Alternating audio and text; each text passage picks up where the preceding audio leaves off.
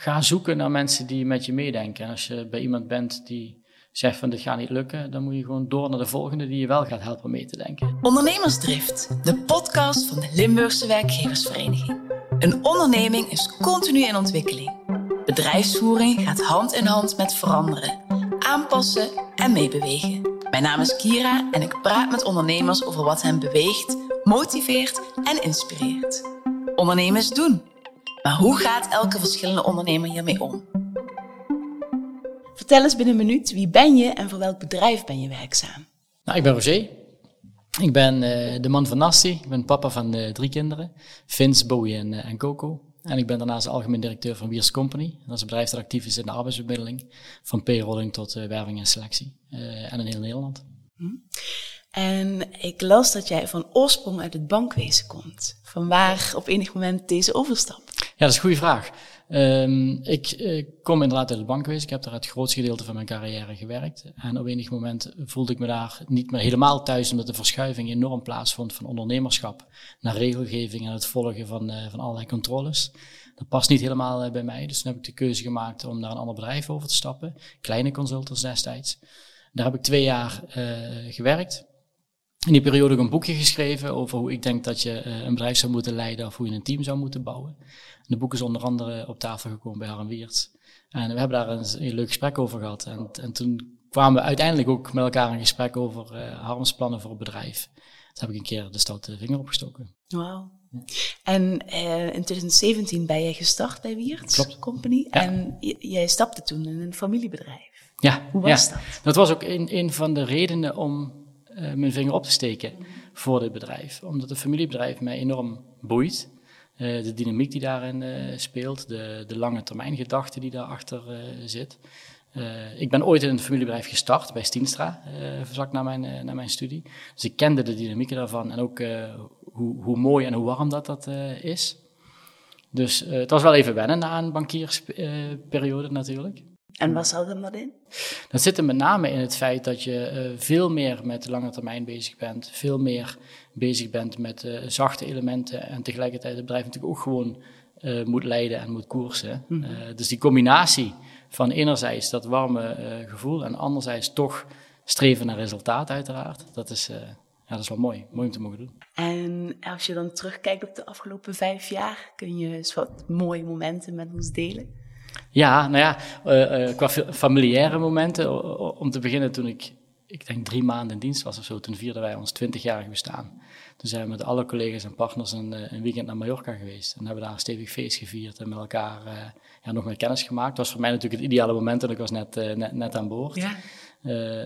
natuurlijk ook de coronaperiode, waar het in eerste instantie toch ja, koers is in de mist. Hè. Je weet niet precies uh, wat er gaat gebeuren en waar je aan toe bent. Want het was voor de hele wereld een, first, bij wijze van spreken. Ja, en dan zie je dat die focus op de lange termijn en elkaar vasthouden. En toch zeggen, nou, uh, we zijn gefocust op, uh, op beter worden. We zijn gefocust op groeien en we houden dat gewoon vol. En dan zie je dat de familiebedrijf met die, die visie dan ook zichzelf kan bewijzen. En dat, ik denk dat dat twee belangrijke momenten zijn geweest die voor mij bevestigd hebben dat een familiebedrijf de juiste keuze is. En, en jouw aandeel daarin? Uh, nou, in eerste instantie, uh, ik ging gewoon mee naar Mallorca, hè, dus mijn aandeel daar was niet al te, uh, niet al te groot. in de coronaperiode is het natuurlijk gewoon zaak om, om focus te houden en met elkaar de rangen te sluiten. Mm -hmm. En te zorgen dat je bovenop alle actualiteiten zit. En ik denk in zijn algemeenheid dat mijn aandeel erin zit dat ik een combinatie kan maken tussen mijn verleden in het bankenwezen en in het bedrijfsleven. En uh, de huidige familieoverdracht eigenlijk. Hè. Ik zit soort van tussen twee generaties in. Harm en Dionne, de founders van ons bedrijf, die hebben de operationele verantwoordelijkheid aan mij overgedragen. En ze hebben drie kinderen die ook in het bedrijf uh, zitten. En waarbij ik ja, een belangrijke rol mag spelen om hen, laten we zeggen, klaar te stomen voor de toekomst. Ja. De doelstelling van jullie is om in 2030 tot de top 10 van Nederland te behoren. Mm -hmm. We zitten mm -hmm. inmiddels drie jaar verder ja, nadat ja, jullie dat ja, doel hebben ja, gesteld. Vertel eens, hoe, uh, hoe staat het ermee? Ja, dat is, dat, is een, uh, dat is een bijzonder verhaal. We hebben, um, we hebben gesteld op enig moment, we vinden dat je meer kunt dan je denkt. Dat is een overtuiging die we uh, allemaal hebben. Ik vind dat nou, misschien wel iedereen met onvoldoende zelfvertrouwen in zijn leven staat, zeg maar. Hè? En dat het ons moet lukken om onszelf te overtreffen. Want daar komt enthousiasme uit voort en enthousiasme is aanstekelijk, daar willen mensen bij horen.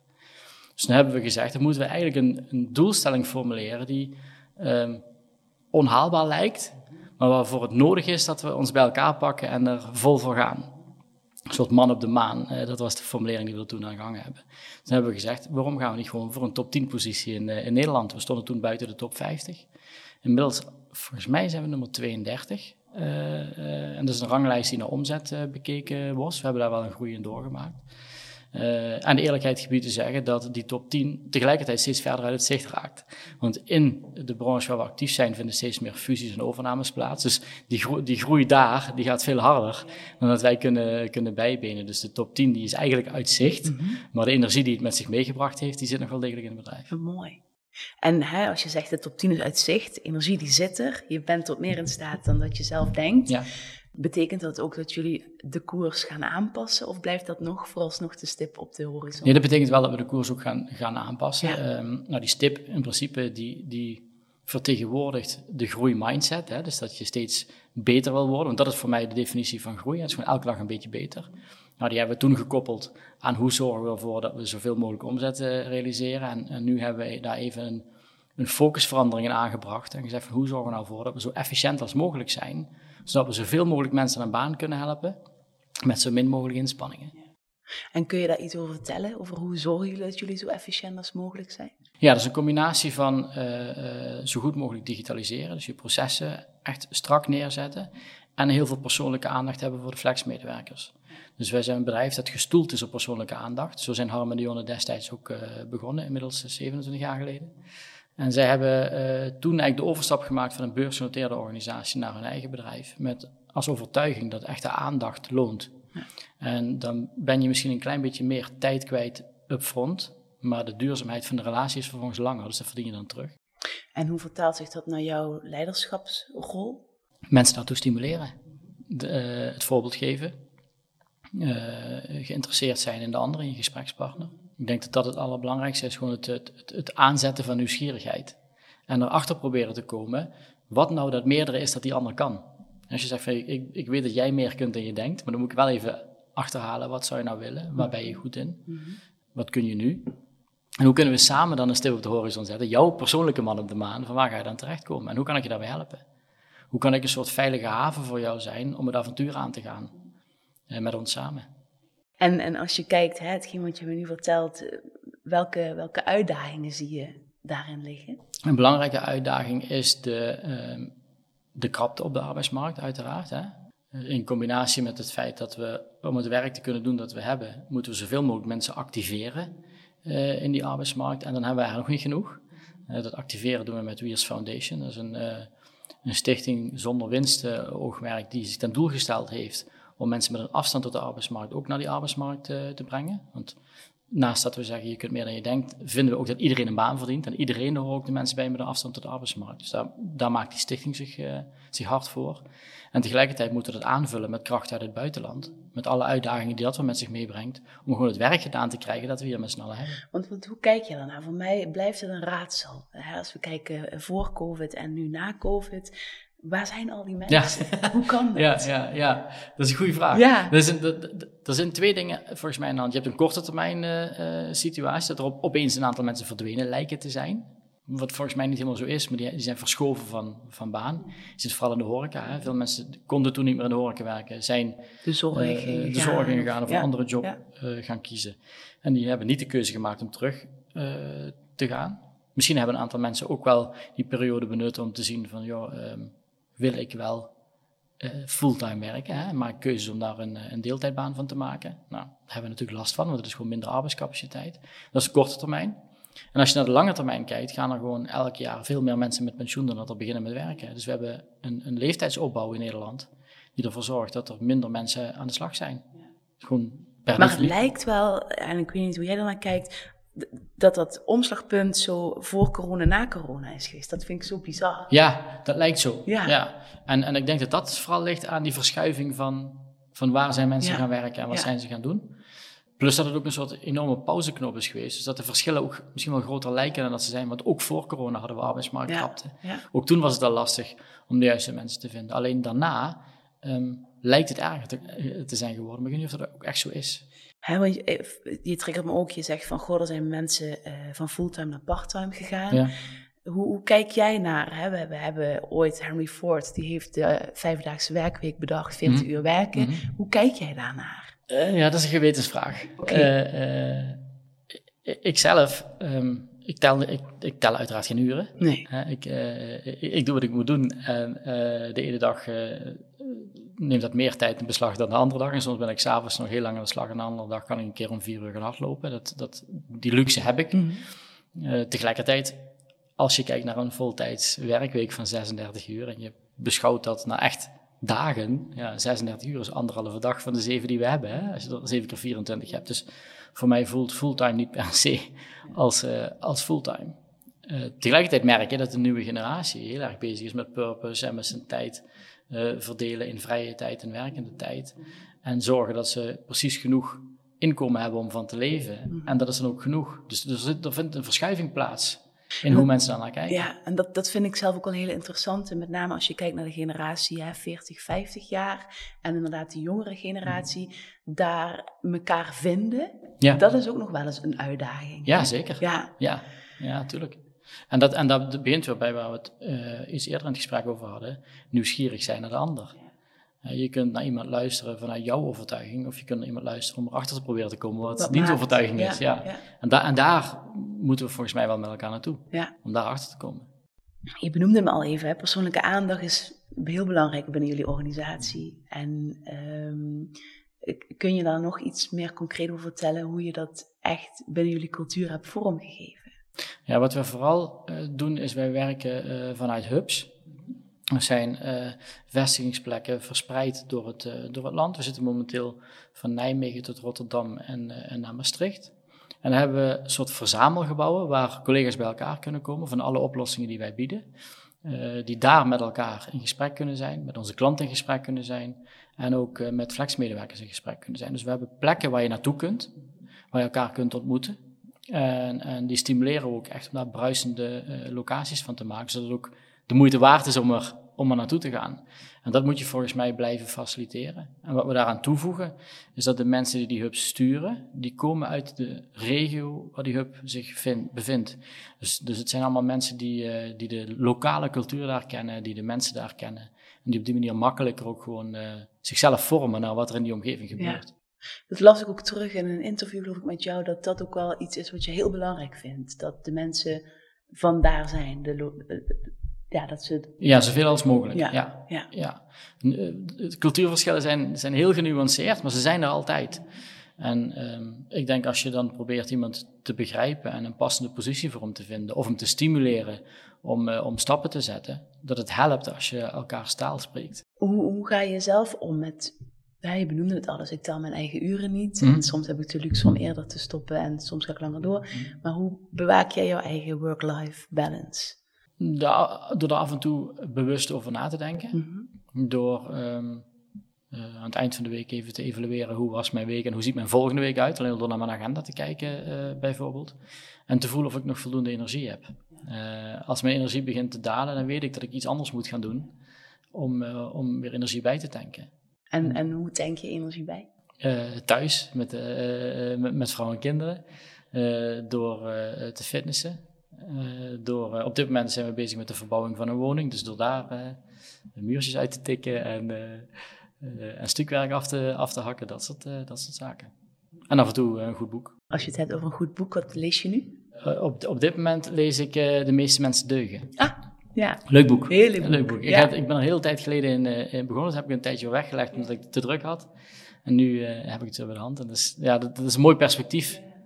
Dat vergeten we nog wel eens. Zeker in ja, wat er nu allemaal aan de hand, eh, aan de hand is. ja. Hoe blijf jij leren als professional?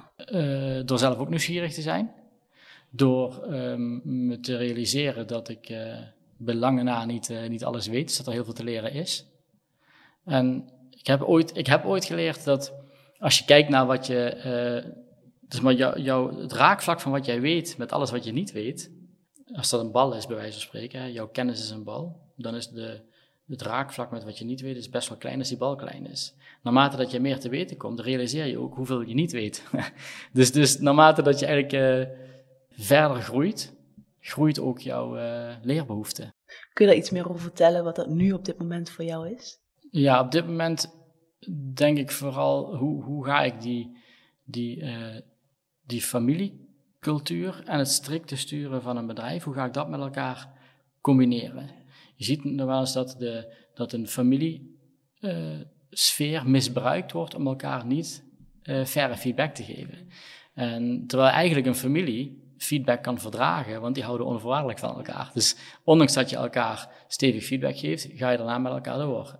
Uh, in plaats van laten we elkaar maar geen feedback geven, want we zijn familie. En die switch, omdat ik zelf ook wel een uh, uh, goed gedij in harmonie, daar, daar, daar werk ik aan. Dat is een hele interessante dynamiek. Ik, ik, herken daarin wat je zegt. En dat met elkaar doorbreken, dat is ook een uh, interessant proces. Ja, ja, ja, dat, is, ja. dat is blijven doen. Ja. En, en, en ook aankondigen dat je dat gaat uh, doen. En dan samen fouten in maken. En fouten onderkennen. Ja. Fouten toestaan, uiteraard. Als het goed is, op, word je op een dag wakker en denk je, hey, ik doe het anders dan dat ik dat een jaar ja. geleden deed. Dat is een dus geleidelijk proces. Het is geen lichtknopje dat je nee. aan of uitzet. En het is ook toch wel een beetje vlieguren maken. Ja, zeker. Ja, ja, ja. doen en durven. Ja. Als je kijkt naar uh, Company over tien jaar, mm -hmm. waar staan jullie dan? Dan uh, zijn we ook boven de as uh, Nijmegen-Rotterdam uh, actief, in heel Nederland. Wie weet hebben we de blik dan ook wel op het buitenland al gericht, maar dat, daar zijn we nu nog niet heel actief mee bezig. Ik denk dat we dan verder gedigitaliseerd zullen, zullen zijn. Er vindt steeds meer digitale matching plaats, ook via ehm, artificial intelligence, waar je ook wel echt goede hulp aan kunt uh, hebben als je, als je het uh, correct inzet. Dus ik zie ons dan uh, weer een beetje slimmer, weer een beetje verder in de, in de digitale ontwikkeling en nog meer mensen aan de baan helpen. Speelt het bij jullie nu al een grote rol? Zetten jullie we gebruiken het actief, ja. ja. We gebruiken het actief. En in welke processen? voor vacatureteksten, voor het aanscherpen van van, van processen. Je kunt, je kunt heel veel vragen stellen ja. en dan vervolgens die verbetering weer gebruiken om, uh, om je eigen saus weer overheen te gooien. Dus het, het kan zaken echt versnellen. Ja, ja. ja. ja het, ik vind het mooi. Ja, dat is het ook. Ik, ik moet zeggen, toen ik voor het eerst ChatGPT gebruikte, ging er een wereld voor Ja, dat is bizar. Ja, ja, is bizar. echt bizar. Als je, als je kijkt naar startende ondernemers, wat zou je hun dan mee willen geven? Uh, durf, denk ik. Ik ben, ik, ik ben zelf geen, van nature geen startende ondernemer. Hè. Ik ben, uh, ik ben een, een, een ondernemend manager, maar geen ondernemer. Uh, maar ik denk, uh, durf, um, hou vast aan de focus die je gekozen hebt. En um, ga zoeken naar mensen die met je meedenken. En als je bij iemand bent die zegt van dit gaat niet lukken, dan moet je gewoon door naar de volgende die je wel gaat, gaat helpen mee te denken. Dus luister, luister vooral naar de, naar de groeitips. En niet naar de waarom niets. Ja. Heb jij zo mensen om je heen? Ja, ja? ja zeker. Ja? ja? absoluut. Ja. Ik heb uh, uh, thuis mijn, mijn vrouw die me daarin stimuleert. Harmen Dionne, de founders van ons bedrijf, die me daar enorm bij helpen. mijn, mijn, mijn, mijn directie. Hm. Ik, ik probeer me wel te omringen met mensen met de juiste energie. Ja. Je moet je realiseren dat je besmettelijk bent. Ja. En dat geldt ook voor anderen om je heen die je serieus neemt. Hè? Dus, dus moet je altijd omringen met mensen door wie je besmet wil worden ook. Als je kijkt naar de mensen die jij mag aansturen, hoe geef jij dat naar hen toe vorm? Door uh, dat enthousiasme zichtbaar te maken, door, door vragen aan ze te stellen, door te proberen om ze altijd net van een andere kant naar, een, naar eenzelfde situatie te laten kijken. En door weg te blijven als ik chagrijnig ben. Ja, Dus, dus, dus, als, ik, als ik negatief besmettelijk ben, dan, uh, ja, dan, nou, dan werk ik wel even thuis. Of dan ga ik, ga ik een rondje hardlopen en ga ik een uurtje later naar kantoor. Omdat ik me realiseer dat als ik binnenkom en ik heb een negatieve uitstraling, dan straalt dat af op mijn collega's. Dan moet ik verwaken. Ik las ook dat je graag uh, LP's op jouw kantoor draait. Ja. en uh, dat je ook wel graag naar jazz luistert. Ja. En Miles Davis is natuurlijk de koning onder de trompetisten. Ja, ja, ja. Kind of Blue. Ook iemand die goed kan improviseren. Ja. Waarin improviseer jij? Ik, ik denk eigenlijk continu. Ik heb een, um, een beeld voor ogen van waar ik, waar ik naartoe wil en, en, en, en wie ik wil zijn. En je zult jezelf continu moeten aanpassen op je omgeving om daar dan ook te komen. Dus wat je altijd, wat je eigenlijk continu doet, is kijken van waar wil ik zijn of waar had ik willen zijn en waar ben ik. En dan moet je jezelf zien bij te sturen of mensen om je heen verzamelen die jou daarop wijzen dat je van koers uh, bent. En, en ja, en jazz haalt er heel erg bij. Ik heb dat in een column een keer geschreven. Hè, dat Miles Davis zei van, uh, als je een foute noot speelt, bepaalt de noot erna pas of die echt fout was, ja of nee. En dat is ja, zes dol, denk ik. Mijn vorige gast was Hai Tissen van Hela Tissen. En die heeft voor jou de volgende vraag. Er is veel te doen rondom het verhogen van het minimumloon. Hoe kijk jij daarna en hoe kijk je naar de rol van de overheid hierin? Nou, het minimumloon wordt bepaald door de overheid. Hè? Dus in die zin denk ik dat zij daar ook een rol in, uh, in, in, moeten nemen. Um, ik ben op zich wel een voorstander van het verhogen van, van minimumloon. Omdat we naar een bestaansminimum gewoon moeten voor mensen die, uh, die werken. Ik vind overigens ook dat er een verschil zou moeten zijn tussen het minimum voor een werkende en voor een niet-werkende. Hè? Vooropgesteld dat die zou kunnen werken. Dus ik denk dat de drempel om te gaan werken omlaag moet. En dat zou je kunnen doen door het minimumloon te verhogen. Tegelijkertijd moeten we ons realiseren dat uiteindelijk degene die die hogere salarissen betaalt, is de consument zelf ook weer. Dus het, het, is ook een soort wederkerigheid. Dus ik zou verhoging van het minimumloon, dat zou ik toejuichen, um, mits dat ook zorgt voor een stimulans om te gaan werken, want we hebben iedereen nodig om het werk te doen. En dan kom je eigenlijk op het volgende van dat werken moet lonen. Ja, precies. Ja. precies. Ja. ja. en ik denk dat we daar ook een heel interessant vraagstuk hebben, hoe we dat voor elkaar gaan krijgen. Ja, ja, en hoe je, dat, hoe je dat doet in combinatie met het beteugelen van inflatie. Want dat zijn natuurlijk lastige, eh, lastige keuzes. En je wil ook niet dat als je het minimumloon te zeer verhoogt, dat er een vlucht naar het buitenland plaatsvindt. Dus dat, zo'n, zo'n probleem is altijd een stuk complexer dan dat het in eerste instantie lijkt. Hè? Als je tegen iemand zegt, ja, vind je dat minimumloon omhoog moet, zegt iedereen ja. Mm. En als je dan vervolgens al die gevolgen gaat afpellen, ja. Uh, dan, dan denk je daar wat beter over na. En tegelijkertijd moet je ook je wil niet laten beperken door dat je te veel nadenkt over alle gevolgen die dat kan hebben. Dus ja, dat is niet, niet eenvoudig. En ook voor de politiek niet. Nee. Uh, zeker niet in een maatschappij die we zo ingewikkeld hebben gemaakt nee. als dat onze is. Nee. Zonder al te lang na te denken, welke van de twee? De juiste opleidingen genoten of de juiste mindset en vaardigheden? De juiste mindset en vaardigheden. Verzamelaar of minimalistisch? Minimalistisch. Groei of zekerheid? Groei. Nooit meer carnaval of nooit meer voetbal? Nooit meer voetbal. Dat zei je heel snel. ik moest snel reageren, zei je. Uitgeven of sparen? Uitgeven. De laatste, de lente of herfst? De lente. Kun je daar iets over zeggen? Ja, de lente gaat, er worden de dagen langer. En ik word blij als de dagen langer worden. Ja. Nee, eh, ik vind het vervelend dat de dagen korter worden. Mijn volgende gast is Michael Schroen van Consul Infra. En mijn vraag aan jou, welke vraag wil je aan hem stellen? Nou, Michael, uh, uh, als jij een keer een vrije dag hebt, hoe zou je die het allerliefste besteden? Dat zou ik wel interessant vinden om te weten. Mooi. Roger, dank je wel. Jij ook. Dank. Je hoorde het verhaal van Roger Holtes en zijn bedrijf Wiertz Company. Wil je meer van dit soort verhalen? Luister dan naar de volgende aflevering van Ondernemersdrift, waar ik in gesprek ga met Michael Schroen van Consul Infra Group. Dankjewel voor het luisteren en tot de volgende keer.